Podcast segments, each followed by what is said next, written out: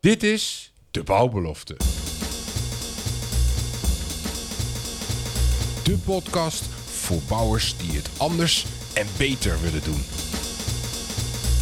Met altijd een frisse kijk en dwarse blik. Arjan Tullintunnel. Anders en beter luisteraars, dat is waar we weer voor gaan met deze Bouwbelofte podcast. Met opnieuw een spraakmakende gast aan tafel. Wim Davidsen, welkom. Dankjewel. Je bent van Zheng, zo Ja. spreek ik het goed uit hè? Ja, helemaal goed. Helemaal En ik goed. dacht even dat je roots zou hebben in een Russisch land of, of, een, of een vergelijkbaar land. Zheng. Nou, je zit in de buurt. Je zit in de buurt. Precies, vertel eens. Waar komt het vandaan? Nou, de, eh, de- ik noem mijzelf arbeidsmarktstrateeg. Ik kijk dus altijd naar grote ontwikkelingen en lange termijnen. En de grootste strateeg die we ooit gehad hebben in, in onze geschiedenis was volgens mij een man in die omgeving. Die in zijn leven binnen 30 jaar meer dan de helft van de toen bekende wereld veroverde. En die kwam van de Mongoolse steppen en het was Genghis Khan. Maar die man had ook heel veel slechte gewoontes. Als hij voor je stad kwam en hij vroeg, wil je je overgeven? En het antwoord was nee. Dan ging hij jou enorm overwinnen. Dan pakte hij alle mannen op, die onthoofde die en de hoofden legde die voor de stadspoort. Om af te schrikken. Dus ik heb een klein beetje van zijn eh, gewoontes overgenomen, het grootste deel niet. Eh, de goede gewoontes. En daarom heet ik Jeng en niet Genghis Khan. Jeng, en het klinkt ook heel energiek. Het is echt een klank. En mijn filosofie is ook energize your enterprise. Daar gaat het om. Ja, en nu even gewoon Nederlands. Yes. Energize your enterprise. Ja. Vertel eens. Ja. ja, dat gaat over eh, eh, hoe haal ik het allerbeste en het allermooiste uit mijn mannen en vrouwen die in mijn onderneming werken. Hoe kan ik die zo energiek maken dat ze elke dag beginnen met veel plezier en aan het eind van de dag eigenlijk met nog meer energie weglopen dan dat ze al binnenkwamen, zonder dat ze zelf het idee hebben dat ze zich zelf geweld hebben moeten aandoen, dat ze een ander hebben moeten duwen of pushen, maar dat het gewoon uit ze getoverd is. En, Ja. en dat kan dus.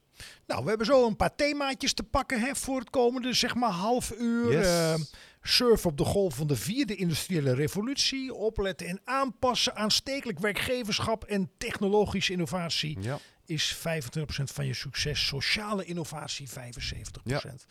Ja, Ja. dat brengt me gelijk op een aantal jeukwoorden, David. Eh, even linkend aan de bouw in willekeurige volgorde. Circulariteit, duurzaam. Ja.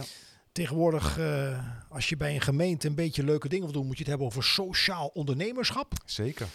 Ja, en zo kan ik nog wel even doorgaan. Ja, wa- wat is dan sociale innovatie? Want ik, ik vind het een containerbegrip, sorry. Ja, dat is het ook. En eh, ik gebruik het dus ook zo min mogelijk. Gelukkig. Ja, ik heb het over aanstekelijk werkgeverschap. Dus niet goed werkgeverschap, of best wel leuk werkgeverschap, of degelijk eh, werkgeverschap, maar aanstekelijk werkgeverschap. En dat is eigenlijk mijn Nederlandse vertaling van Energize Your Enterprise. Steek je mensen aan. Ontsteek alles wat er aan krachten en passie in jouw mannen en vrouwen zit. En ehm, als je dat doet, dan heb je eigenlijk driekwart van je succes te pakken. Dat andere kwart, daar heb je goede technologie nodig, goede processen nodig, eh, goed nadenken over waar wil ik naartoe met mijn organisatie. Eh, maar dat is feitelijk de theorie van, van ondernemen. En de praktijk is het vuur in je mannen en vrouwen eh, aansteken. Binnen de bouwbelofte mogen we ook best stellig zijn, Wim. Hoe is het met, als je het in procenten weer zou geven, je zou alles wat werkgevend Nederland is op één hoop gooien. Ja. Publieke sector, private sector, dus Mhm. overheid en bedrijfsleven. Eh, wat is dan, eh, hoe ver zijn we in Nederland met aanstekelijk werkgeverschap? Nou, we zijn eh, niet ver. We zijn absoluut niet ver en ook de afgelopen twintig jaar niks opgeschoten. Misschien zelfs wel een beetje achteruit gevallen. Ehm, de eerste keer dat, dat, dat ik eh, met dit onder, onderwerp werd geconfronteerd, dat is zo rond eh, 2000 geweest, was een, een, een internationaal onderzoek en dat ging over employee engagement. Nou, dat begrip bestond nog nauwelijks toen. En toen bleek dat in Nederland eh, dat niet goed eh, was geregeld. Eh, wij hadden niet heel erg eh, betrokken, bevlogen eh, mannen en vrouwen op onze werkvloeren rondlopen. En eh, het was toen rond, eh, volgens dat onderzoek, rond het 15 of 20 procent. Eh, en daarmee staan we internationaal gezien absoluut in de onderkant van de middenmoot. Ook in, in, in, als je kijkt naar West-Europese landen? Absoluut, ja, absoluut. Hè. De VS Eh, daar gaat het twee keer zo goed qua, qua bevlogenheid. Eh, maar ook in andere landen, Zweden, Zwitserland, gaat het veel beter dan bij ons. En, en in, in Duitsland en in België gaat het ook nog beter dan bij ons. Wij, wij, op een of andere manier krijgen wij dat niet voor elkaar. En, eh, en in de tussenliggende 20, 25 jaar is dat nauwelijks veranderd. Eh, net voor corona kwam er een schitterend eh, Europees onderzoek uit met rond de 30 landen daarin. Ja, en daarin staan wij ook weer bijna onderin. En is ongeveer 15% of nog minder, tussen de 10 en de 15% is echt een aanstekelijk werkgever. En, en ook als je de andere kant onderzoekt, je vraagt het aan medewerkers, ook net voor, het corona, eh, voor de coronaperiode losbarsten, groot Nederlands onderzoek, 15% van de mannen en vrouwen zegt, ik geniet echt van mijn werk. En 85% zegt, ja, ik heb er niet echt last van. En wat bedoel je met het laatste? Ik heb er niet echt last Nou van. ja, die, die 85% ja, die komt binnen, die, die, nou ja, die gaat een beetje naar overleg, die doet wat dingen, en die, heeft wat over, eh, eh, die werkt wat samen met collega's. En eh, nou ja, dat gaat allemaal best prima. Hè, zeg maar een, een typische Nederlandse 6. Eh, overigens binnen die 85% blijkt ook vaak wel tussen de 5 en de 10% te zitten. Die, die zegt dan ja, zeker, ik doe mee. En als de baas dan weg is of de collega is weg, dan doen ze niks. Hè, die zitten bijna in de, in de sabotage. Maar gemiddeld blijkt uit allerlei onderzoeken dat zo'n 80% van de werkenden, ja, die komt binnen, die voelt zich niet rot, die voelt zich, ja, die heeft ook af en toe best wel lol. En die gaat s'avonds weg en die vergeet alles weer. Het is toch bijzonder dat eh, de 80-20 regel uit de marketing hier ook weer prima op te leggen is. Dat is bijna een natuurwet. ja, Dat is echt bijna ja, een natuurwet. Ja, en als je dan kijkt naar, naar de grootste eh, uitdagingen voor, voor bedrijven en organisaties, disruptie, digitalisering, Ja. zo kun je nog wel een paar dingen noemen. Ja. Je gaf het al aan, we hebben ehm, corona eh, tijdelijk achter ons liggen, mogen we ook wel zeggen. Ja, Ehm, oh ja, we hebben Oekraïne ook nog even erbij gekregen. zeker. En, en merk je dan, als je kijkt naar het hier en nu, 2022, dat er iets van, ja, urgentiebesef is binnen eh, werknemend en werkgevend Nederland? Ik zeg het bewust op die manier. Ja, ja, ja. Bij werknemend Nederland denk ik dat er een ander soort besef aan het groeien is. En dat is het besef, ik ben schaars. Ze hebben mij meer nodig dan tot voor kort. En dat wordt uitgebuit. En dat, nou, uitgebuit klinkt wat heftig en wat negatief, vind ik. Maar eh, een klein beetje met de vuist op tafel als het gaat op arbe- over arbeidsvoorwaarden. Dat gebeurt nu wel meer dan tot twee jaar geleden. En, ehm, eh, dus dat is de werknemerskant of de werkzoekende kant. Bij de werkgeverskant is er een ander soort besef aan het doordringen. En dat is, verdomd, wat een krapte op die arbeidsmarkt. Ik heb bakken vol met vacatures en ik krijg geen kandidaten. En als ik ze dan krijg, dan hebben ze veel dikkere verlanglijstjes dan tot twee jaar geleden. Wat is er aan de hand en hoe los ik dit op? Maar de echte oplossing, je moet niet alleen een eh, goed gesprek hebben, een goed recruitment gesprek en dan eh, haal je die, die man of vrouw door je procedure heen en dan gaat die eh, over drie weken bij jou beginnen of misschien over drie maanden pas.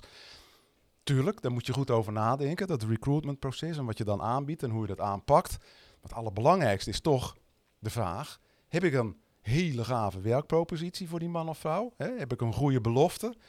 En vervolgens, als ze dan zijn geonboard, ze komen bij mij binnen, denken ze dan na twee weken en na twee maanden en na twee jaar nog steeds, jeetje mine, wat zit ik hier goed? Of denken ze, zoals in de meeste gevallen, hm, de buitenkant zag er beter uit dan de binnenkant is.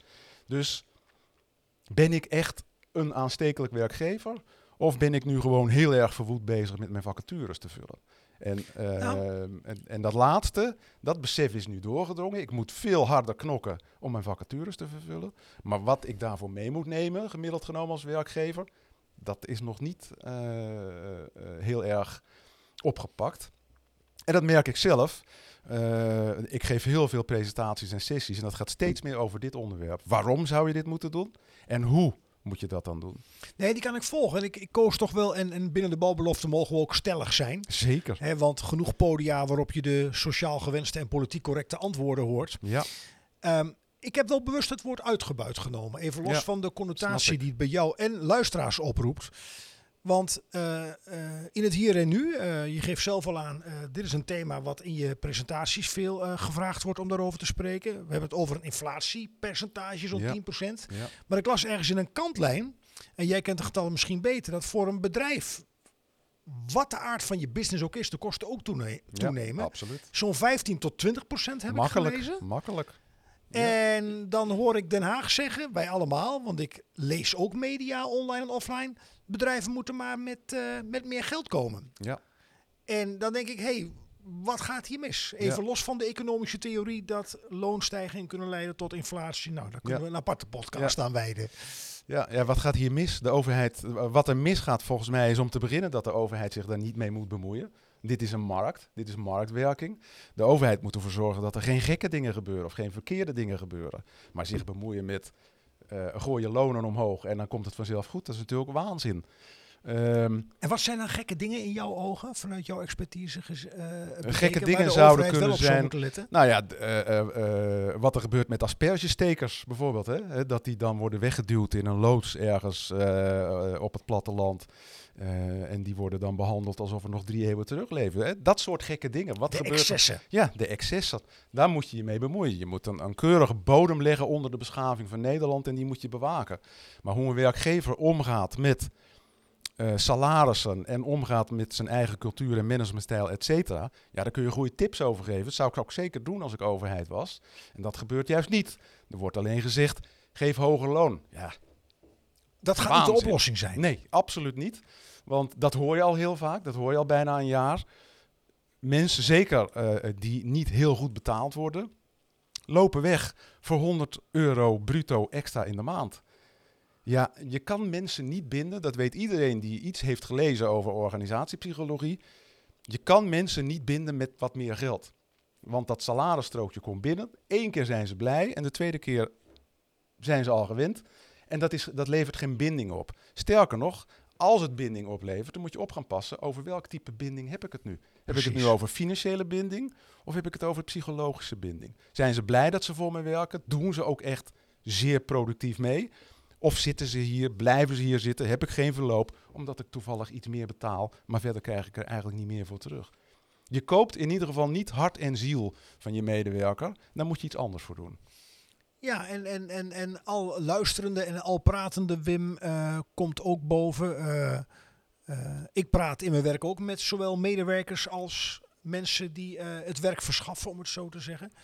Hoe is het dan met, met, met in jouw ogen, door jouw bril bekeken, met, met wat we wel eens noemen het, het, het hele mooie oud-Hollandse woord arbeidsethos of Mhm. werkattitude? Ja, Hè, want volgens mij heeft een eh, bedrijf een verplichting naar zijn medewerkers. zeker. Maar andersom heeft de medewerker Absoluut. ook een verplichting. Absoluut. Ik zeg altijd, eh, voor wat er gebeurt daar in jouw organisatie, publiek, niet publiek, eh, onderneming of instituut, wat, wat maakt het uit? Wat daar gebeurt is voor minstens 51% de verantwoordelijkheid van de baas.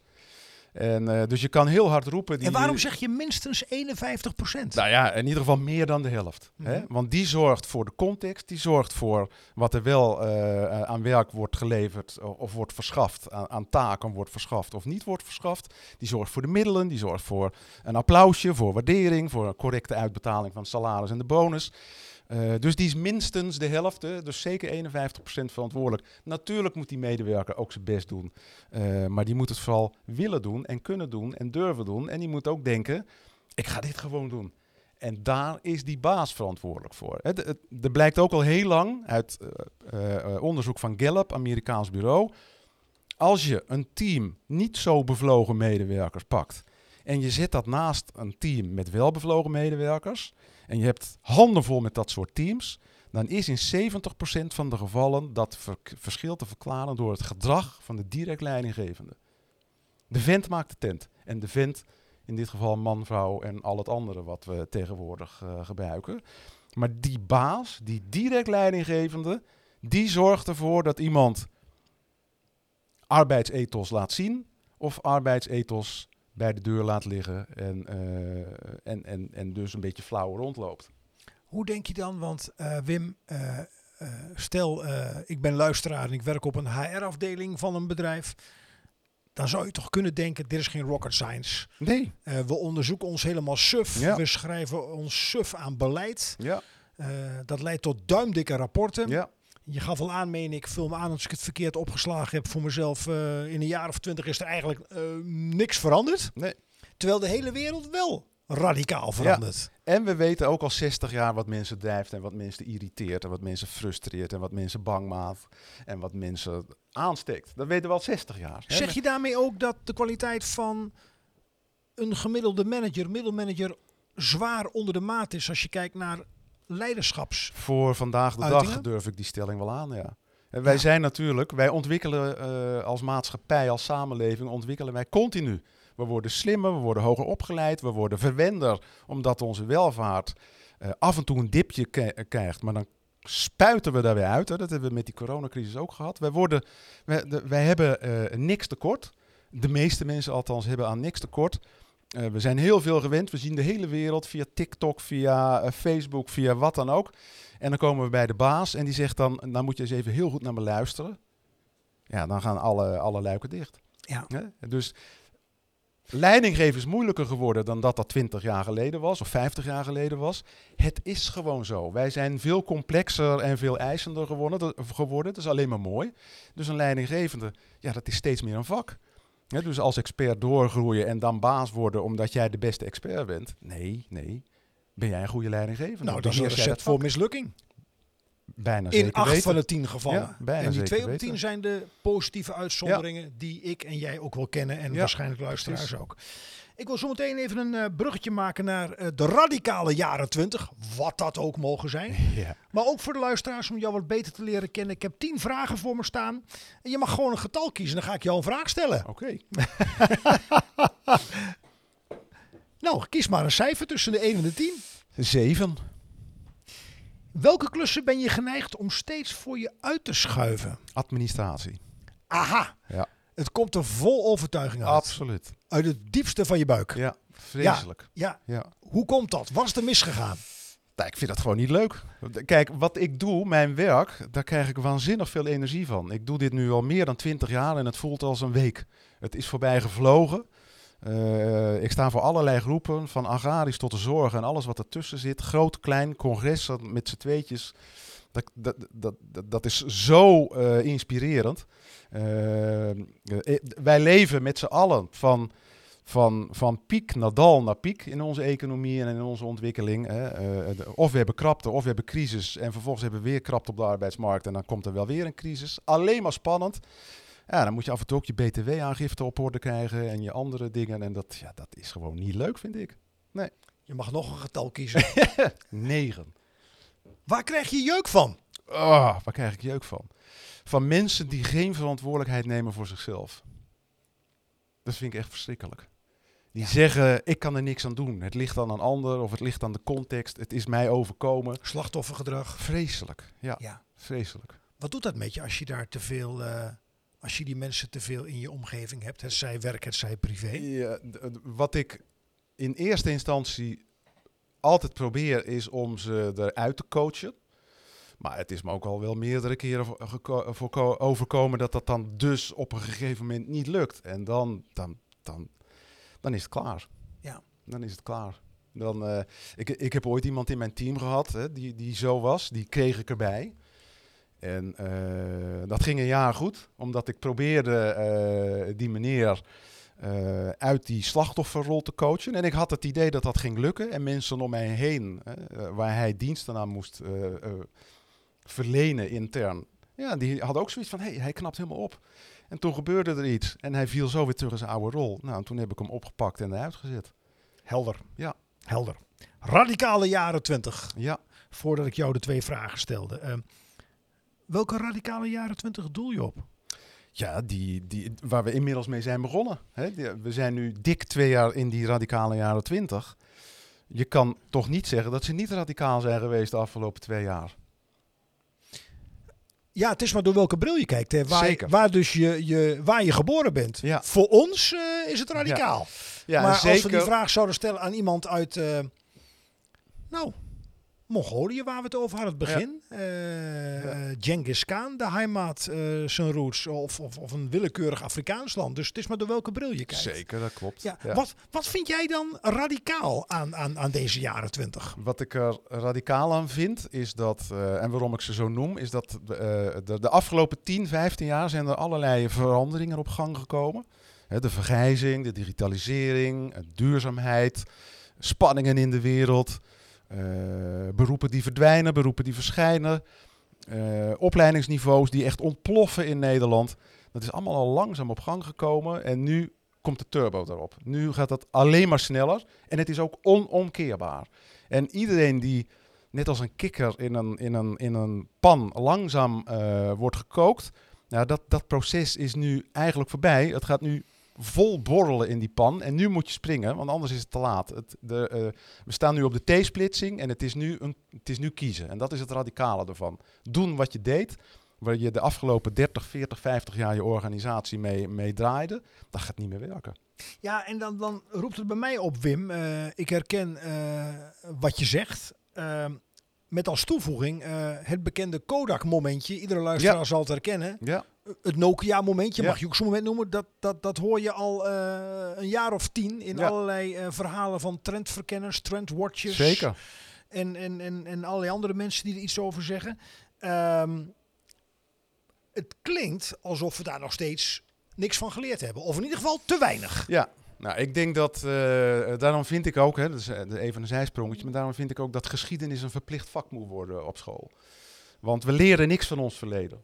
En, dat zou, en er zitten zoveel lessen in ons verleden. Is dat niet echt Nederlands? Nee, nee, dat is echt een mensending. Dat zie ik echt Ook in overal andere landen? Ja, zeker. Als je nu kijkt wat er gebeurt in de Verenigde Staten.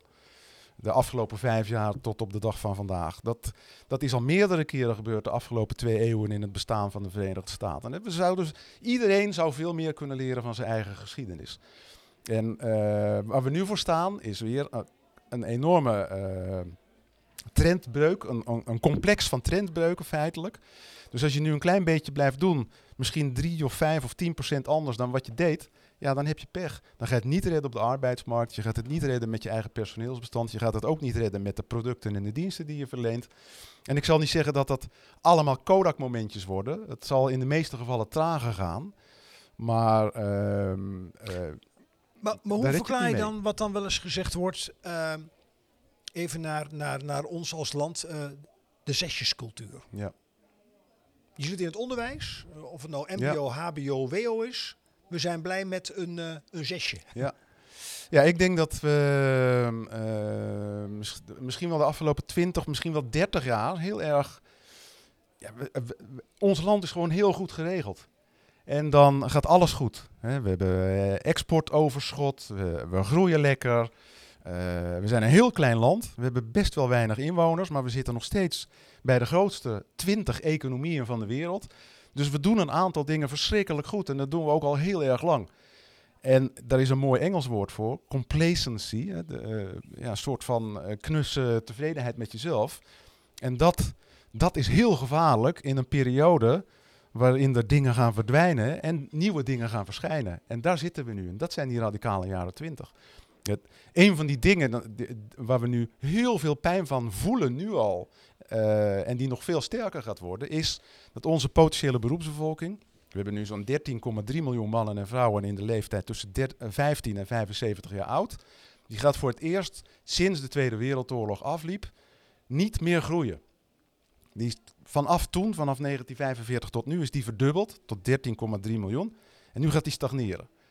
Tot nog toe waren we gewend dat als we vacatures hadden, dan kwam er wel weer iemand bij in, die potentiële beroepsbevolking. En die solliciteerde dan, en ja hoor, weer een medewerker. Dat is over. Dus dat is één ding. Als we willen groeien, dan, dan zullen we dat moeten doen met het personeel dat er is. En het tweede ding is, we vergrijzen keihard. We hebben nu ve- 1,5 miljoen 75-plussers. En dat gaat nu ontploffen naar 3 miljoen in 2050. Dat komt nu in de, in de jaren 20, radicale jaren 20, echt op gang. Er komen er 700.000 bij dit decennium. En dat is de enige groei die, die we zullen zien in de bevolking van Nederland. Ehm, en de consequentie daarvan is dat de werkgelegenheid in de zorg moet omhoog om dat aan te kunnen. Die vergrijzing zorgt ervoor dat er minstens 200.000 extra mannen en vrouwen in de zorg moeten gaan werken. Maar het zouden er ook 400.000 of 500.000 kunnen zijn. Bij een stagnerende beroepsbevolking. Wij kunnen met z'n allen berekenen wat dit oplevert voor iedereen die buiten de zorg werkgever is. Is dan niet bijzonder, eh, Wim? Want dan heb je het ook over eh pensioengerechtigde leeftijd. Ja. Ik, eh, in voorbereiding op deze podcast, als ik het goed zeg, jij weet het misschien beter.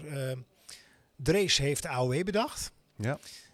Ergens in een bijzin heeft hij, als dit klopt wat ik nu zeg, was hij een zeer vooruitstrevend en, en een wijs man. Hij heeft gezegd, naarmate de levensverwachting stijgt, Yes. stijgt de AOW-leeftijd mee. Maar daar hoor je Den Haag nu niet over. Nee. Los van of je welk stemgedrag je Ja. vertoont. Maar je hoeft toch geen econoom te zijn, geen accountant. Wiskundig geen genie te zijn om op de achterkant van een bierveeltje te becijferen Absoluut. dat, zoals wij hier nu aan tafel zitten, dit nog meemaken dat het spaak loopt. Ja. Hoe verklaar je dan dat we zo, zo lijkt het tenminste, het hoofd in de zand steken? Ja. Want we, zitten, we, we houden alleen, we willen alleen maar vasthouden aan onze rechten. Ja. Namelijk stoppen met Ja, 65. absoluut, absoluut. En er zijn heel veel mensen die op hun 55ste af gaan tellen. Nou, dat is natuurlijk verschrikkelijk. Ehm, maar ehm, ik gaf rond de eeuwwisseling, dus dat is al een beste poos geleden, gaf ik mijn eerste workshops over de vergrijzing. En iedereen was razend geïnteresseerd en, en, en, en enthousiast, maar er is intussen niks gebeurd op het gebied van duurzame inzetbaarheid of mensen langer laten werken. En als je het jaartal 1961 op het cv ziet, dat je dan toch serieus doorleest. En dat doen de meeste werkgevers niet. Die denken 1961, die is oud, die wil ik niet in, in, in mijn personeelsbestand aannemen. Rond die tijd kwam ook een fantastisch boek uit en dat heet The Knowing Doing Gap. En dat zou iedereen dus heel goed moeten lezen. Waar, Want- ga- waar gaat dat boek over? Dat gaat over, we weten wat er gebeurt. We snappen wat er gebeurt. Wat er zal gebeuren. We kunnen het voorspellen, bijvoorbeeld die vergrijzing. Maar de gap van knowing naar doing is onvoorstelbaar. Die, die kloof is gigantisch. En waarom komen we daar niet overheen? Omdat we, we hebben gezien, god, de vergrijzing, die komt nu echt op gang. Oh, er belt iemand met een probleem. Ploep, alles is uit ons hoofd. En wij zitten weer in de brandjes van vandaag. Eh, we gaan vanavond om half zeven naar huis. We moeten een beetje bijkomen. Morgenochtend beginnen we weer. Weer paniek. Het is dag in dag uit brandjes blussen. Eh, dingen die tegenvallen eh, weer rechtzetten. Maar echt doorpakken naar de nieuwe verplichtingen voor de toekomst. En dan een visie neerzetten. Morgen beginnen met de eerste stap. En die met discipline vasthouden. Dat is het punt. Dat is het probleem. De knowing-doing gap. Dat is de grote uitdaging. Hoe overbruggen we die kloof? Maar als je dan Drees volgt. Ik meen dat in die tijdgeest, jaren 50, eind jaren 50, uitgingen van 35, 40 jaar werken. Ja, We vergrijzen. ja, Nu gemiddeld 80 als ik het goed zeg. ja, Vrouw iets ouder dan de man. ja. De kinderen die nu geboren worden, worden gemiddeld 90. Makkelijk. Dan, dan is het toch heel eenvoudig. Dan hebben we toch toe te gaan naar een werkzame periode van 50, 55 jaar. Zeker. Helemaal mee eens. En hoe verklaar je dan de enorme... Want dat mag je haast niet zeggen publiekelijk in het hier Nee. en nu. Nee, want dan komt er altijd iemand van een vakbond of van een linkse partij eh, of van een ondernemingsraad en die zegt dan, ja maar een statenmaker kan toch niet zo lang doorwerken? Ja, dat ben ik ook helemaal eens. Natuurlijk kan die dat niet. De- ik zou het nog in twee jaar kunnen.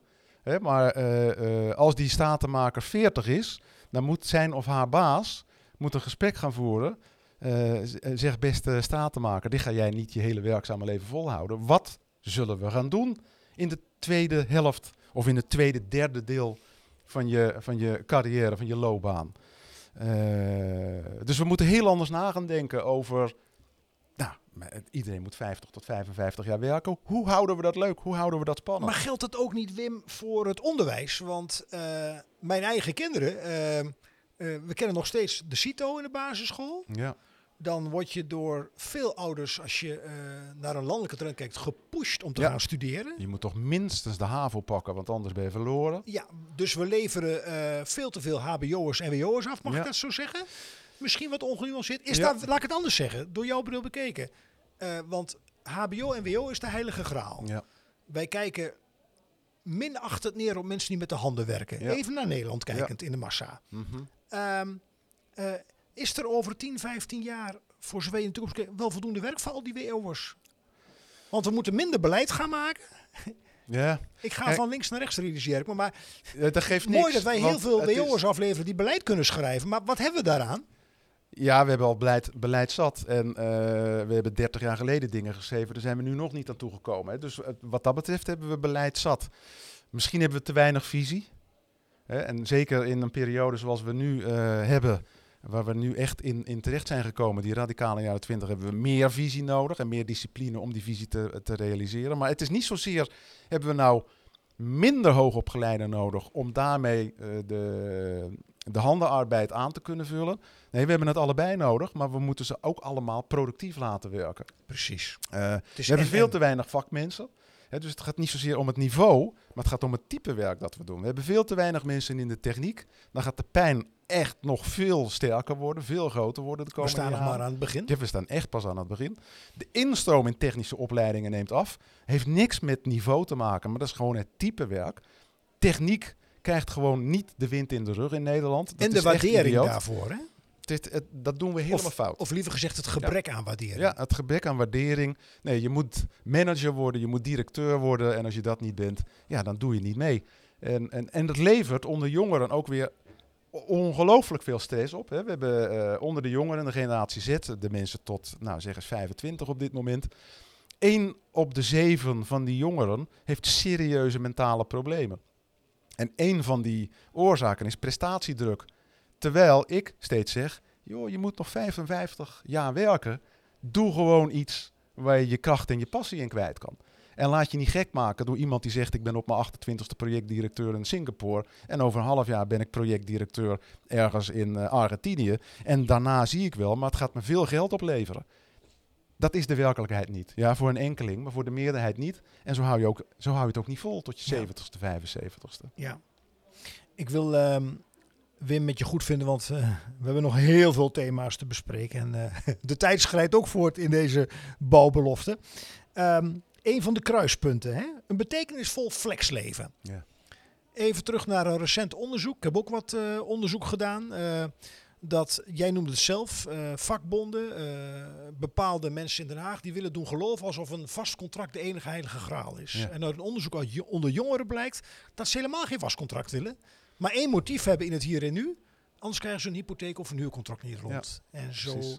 Als dat contract getekend is, willen ze maar al te graag Ja. in een flexibele constructie. Ja. Hoe kan het dat je uit Den Haag een heel ander geluid hoort en vanuit de vakbondsburelen? Dit is visie. Of het gebrek aan visie, feitelijk. Hè, de- de- dus je moet kwantitatief, kwantitatief weten wat speelt er hè, met vergrijzing, met, met verjonging, met ontgroening, met hoe lang mo- mensen moeten werken, hoeveel uren ze willen werken. Eh, daar is geen beeld van. Eh, en kwalitatief moet je een visie hebben. Wat, wat drijft mannen en vrouwen? Waar worden ze blij en gelukkig van? Maar ook waar worden ze ongelukkig van? En waar worden ze timide of complacent van? En eh, dat is er allemaal veel te weinig. Hè. We hebben een goede twee jaar geleden hebben we het Borslab-rapport gekregen. Voor de, heel ingrijpend eh, geanalyseerd en, en ook ge- eh, geadviseerd wat er zou moeten gaan gebeuren op de arbeidsmarkt. Ja, dat gaat alleen over juridische dimensies, maar gaat niet over psychologische, sociale dimensies. Eh, ik heb het over een, een, een, eh, een lang flexleven, waarin je gewoon lekker door het leven slingert. Drie jaar dit, vier jaar dat. Eh, een, een- coach, een zaakwaarnemer die het voor jou op tijd regelt. De enige zekerheid die er is, is dat ik expertise heb en, en, en passies en krachten die ik straks weer kwijt kan. That's it. Wat maakt, denk jij, dat daar zo weinig gehoor voor is? Want jij bent niet de enige die dit zegt. Frank Kalsover, ken je Ja, misschien wel? ja. Iedere zaterdag columnist in de Volkskrant, die al een tijd terug schreef, ruim een jaar geleden. eh, rond je veertigste een soort van sabbatical inbouwen. Ja. Dan ga je kijken welke skills, welke kennis heb je Zeker. dan nodig om de tweede helft van je Ja. arbeidssamenleving goed in te vullen. Ja. Hoe kan het dat daar geen, niet of nauwelijks oor voor is? Oog en oor voor is. Ja, dat is toch, dat is toch de, de, de waarom is die knowing-doing gap er? Dat is, ik ben veel te druk met het hier en nu. Dat is al verschrikkelijk druk. Dat kost me al 60 uur in de week. Hoe kom ik nog aan die toekomst toe? Hè, dat is, je kent waarschijnlijk ook die cartoon wel, waar, waar er een kar in beeld is met twee mensen uit het stenen tijdperk. Eentje trekt eraan en eentje duwt er tegen. En die kar die heeft vierkante wielen. En dan komt er een derde, een voorbijganger, die rolt een, een, een rond wiel daar naartoe en die zegt, moet je dit eens proberen? En dan zeggen die twee anderen die daar aan dat vierkante wiel staan te shoren, nee, daar hebben we nu geen tijd voor, we zijn zo druk. Ja. Nou, Ja. dat is waar we nu zitten. Ja. We zitten een vierkant wiel vooruit te duwen en we moeten gewoon die stap durven zetten naar dat ronde wiel. Dus we leven eigenlijk nog in het Fred Flintstone tijdperk. ja, nou, we leven in ieder geval nog in de 20e eeuw qua instituties en, en het algemeen werkgeverschap in Nederland. Dat is echt nog van de 20e eeuw. Eh, en dat moet echt overboord. Niet, Ja. niet een beetje anders, maar echt serieus anders. Ja. Je zegt ook iets over eh, detacheren. Hè? Het woord Ja. detacheren kennen we allemaal. Niet alleen in de bouw, eh, overal. Ja. En je zegt ook, als deze het goed aanpakken, wordt het de werkpropositie van de radicale jaren 20. Absoluut. Absoluut. En wat bedoel je met de werkpropositie? Nou, dat detacheren blijkt zeker voor starters op de arbeidsmarkt. Eh, en of ze nou laag, middelbaar of hoog opgeleid zijn. Voor, voor die starters is dat een briljante opstap naar hun loopbaan. Ze weten niet precies wat ze willen. Er is ontzettend veel keuze. Als je er zelf naar gaat kijken, dan zou je er eh, stress van krijgen, keuzestress van krijgen. Dat overkomt dus ook veel van die jongeren. En zo'n detacheringsbureau laat jou gewoon verkennen. Op een veilige manier avontuurlijk zijn. En dat detacheringsbureau zet je een poosje hier, zet je een poosje daar. Verschillende functies, verschillende sectoren, verschillende culturen, organisatieculturen waar je kan functioneren. Of niet, en dan weet je dat ook. Uh, en zo kun je in een periode van vijf of zeven of tien jaar waanzinnig veel leren over de arbeidsmarkt, maar ook over jezelf. En uh, je hebt aan de ene kant de vastigheid. Hè. Jij noemde net, uh, ik heb uh, hypotheek nodig en, en andere uh, verplichtingen waar ik aan moet voldoen. Ja, Belangrijke dat verplichtingen. Dat is dus een motivatie, zodat je onderbreekt, die gevoed is vanuit het oud denken, het oude systeem. Want ja. het enige doel is die werkgeversverklaring. Dat kan, ik dat huis kan kopen. Dan kan iemand bij de bank of bij de AFM daar ja. een vinkje zetten. En wat er daarna gebeurt, vraagt niemand meer naar. Nee, klopt, klopt. Dus dat is ook nog context uit de jaren uh, of uit de 20e eeuw. Um, maar stel dat die context voorlopig niet om kan. Zo'n context herdefiniëren is natuurlijk een stuk ingewikkelder. Maar die gedetacheerde, die kan gewoon een vast contract krijgen en toch flex leven. Flex werken en flex leven. Ja, dat is op de korte termijn, vanaf nu en de rest van de radicale jaren 20, gewoon een geweldige propositie. Merk en dat zeg dat, ik al jarenlang. Merk je dat dat groeiende is, die vorm? Dat is echt ongelooflijk. Het afgelopen kwartaal, volgens mij zijn de cijfers worden vandaag bekend over hoe de detacheringssector um, is ontploft de eerste maanden van dit jaar. Maar dat gaat echt met tientallen procenten. Ja. ja. Dat is niet voor niks. Die detacheringsbureaus weten waar de kandidaten zitten. Die weten uh, hoe ze die moeten aanspreken. Die weten hoe ze ze moeten interesseren. Hoe ze ze binnen moeten halen. En hoe ze ze moeten plaatsen. Ja, ideaal. Richting een afronding, Wim. Er komen nog zeer veel vragen bij me op. Uh, drie slag leren. Vanuit mijn expertise ben ik daar ook goed in thuis. Nu drie slag leren koppelen aan de bouw. Ja. Hoe zie je dat voor je? Ja, drie slag leren is dus dat je accepteert dat alles wat je nu doet overboord zou moeten kunnen. Want die drieslag leren is, waar doe ik dit allemaal voor? Wat wil ik neerzetten?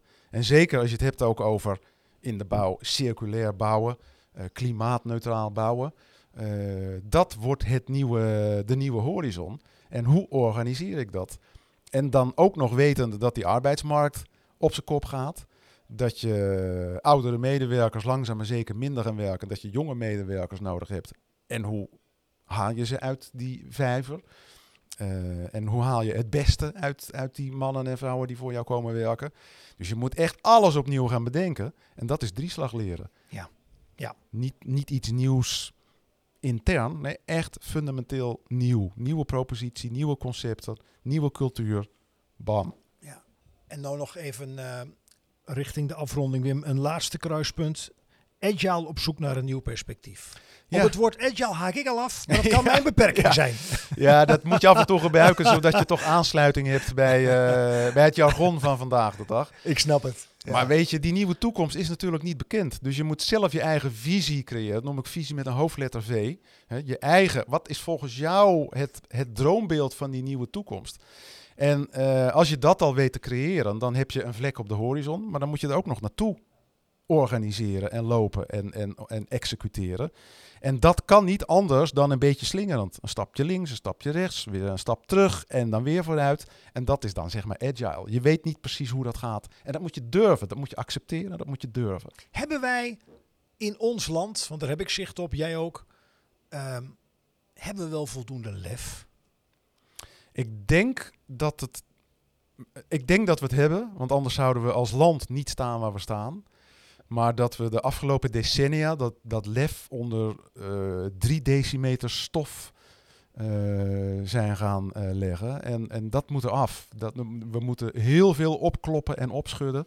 Dat we ons, ons, ons potentieel weer terugvinden.